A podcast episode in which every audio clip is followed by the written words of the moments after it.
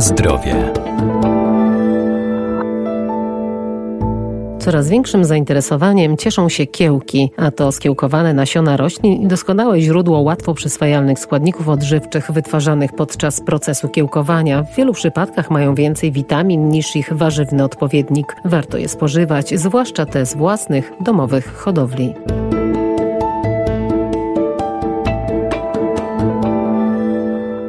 Żywność skiełkowana zawiera duże ilości m.in. białek, witamin i związków mineralnych, a kiełkować można praktycznie wszystko, co nasiona posiada, także domowymi sposobami. Jednak do produkcji żywności skiełkowanej nie mogą być wykorzystywane nasiona ogrodnicze zabezpieczone przed szkodnikami. Możemy kiełkować nasiona na różnego rodzaju dostępnych kiełkownicach, które możemy sobie zakupić w sklepach ogrodniczych. Doktor habilitowany Michał Świeca, Wydział Nauk o Żywności i Biotechnologii Uniwersytetu Przyrodniczego w Lublinie. Możemy używać do tego zestawów tak zwanych słoikowych, które pozwalają na wydajną produkcję kiełków w warunkach domowych lub możemy używać zwykłych woreczków lnianych, w których będą one wzrastać. Oczywiście dobór metody jest ściśle uzależniony od rodzaju nasion, które będziemy kiełkować. Bardzo często zwraca się uwagę na dwie główne rzeczy. Pierwszą z nich jest pochodzenie nasion do procesu kiełkowania. Powinny być to nasiona ze znanego źródła. Nie kupować nasion w sklepach ogrodniczych przeznaczonych do wysadzania, gdyż bardzo często są one zabezpieczone przed szkodnikami i nie możemy spożywać kiełków otrzymanych z takich nasion. Jednakowoż w przypadku wielu nasion możemy po prostu wykorzystywać nasiona, które są dostępne w sklepach spożywczych, warzywniakach i je poddawać kiełkowaniu.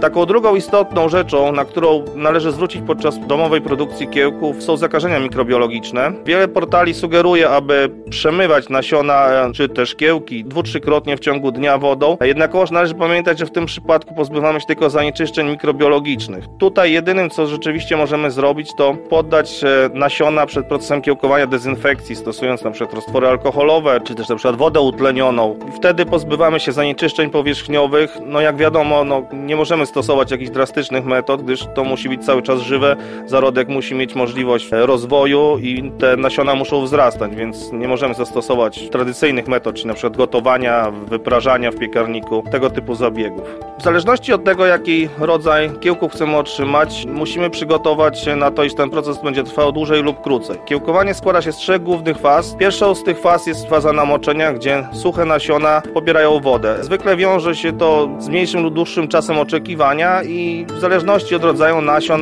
ten czas namaczania wynosi od 2 nawet do 10-15 godzin. Tego typu nasiona, gdzie następuje mobilizacja składników odżywczych, czyli np. skrobi, czy białek, czy tłuszczu, w zależności od, od gatunku rośliny, którą będziemy kiełkować, potem przechodzą w fazę kataboliczną, gdzie następuje uruchomienie substancji zapasowych.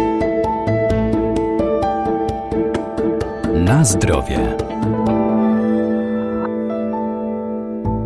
Kiełki nasion strączkowych są nieocenionym źródłem białka. Zawierają również duże ilości antyutleniaczy. W kolejnym etapie, fazie anabolicznej, pojawiają się zielone części rośliny i wtedy roślina staje się jakby niezależna, jest samodzielną, żywą siewką możliwą do dalszego wzrostu. Zwykle na tym etapie przerywamy etap kiełkowania i tutaj chciałem zaznaczyć, że właściwości prozdrowotne, jak też wartość odżywcza kiełków jest ściśle uzależniona od czasu kiełkowania, a konkretnie tej fazy anabolicznej, w której się znajdujemy. I tutaj wybierając odpowiedni okres przerwania procesu kiełkowania, możemy sobie tworzyć żywność, która ma wyższy potencjał prozdrowotny, niższy potencjał prozdrowotny. Dodatkowo właściwości prozdrowotne, jak i wartość odżywczą żywności skiełkowanej możemy modyfikować w bardzo prosty sposób. Tak proste zabiegi, jak na przykład przechowywanie kiełków przez krótki okres w, w niskiej temperaturze, czyli na przykład w zamrażarce w naszym przypadku, czy dodanie substancji, które będą wywoływać u nich jakieś warunki stresowe, na przykład na tlenku wodoru, czyli wody utlenionej. Na pewno przyczyni się do zwiększonej biosyntezy związków fenolowych, ale także zapewni czystość mikrobiologiczną samego produktu. Wśród roślin bobowatych, czyli tak zwanych strączkowych, bardzo fajne kiełki możemy uzyskać z fasoli mung. Każdy z nas, kto interesuje się kuchnią Dalekiego Wschodu, wie, iż jest to jeden z kluczowych składników e, dodawanych do potraw e, w tym regionie. Co istotne, zwykle kiełki, które stosujemy w kuchni chińskiej są otrzymywane w ciemności, wtedy charakteryzuje całkiem inny kształt i jakby inna struktura. Natomiast jeżeli proces kiełkowania będziemy prowadzić w świetle, otrzymamy kiełki mniejsze o innej charakterystyce smakowej, jak też też właściwościach odżywczych. Bardzo często wartość odżywcza czy też skład są determinowane sposobem prowadzenia procesu kiełkowania. Takie proste czynniki właśnie jak światło czy ciemność mogą istotnie wpływać na wartość końcowego produktu. Kiełki soczewicy otrzymane w ciemności charakteryzuje duża niższa zawartość związków polifenolowych, potencjał przeciwutleniający niż kiełki, które były uzyskane w normalnych warunkach, czyli miał, był fotoperiod dzień-noc.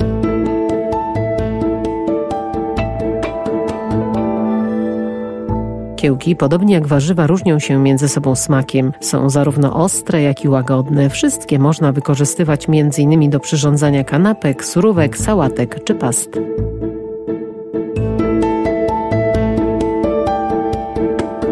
Na zdrowie.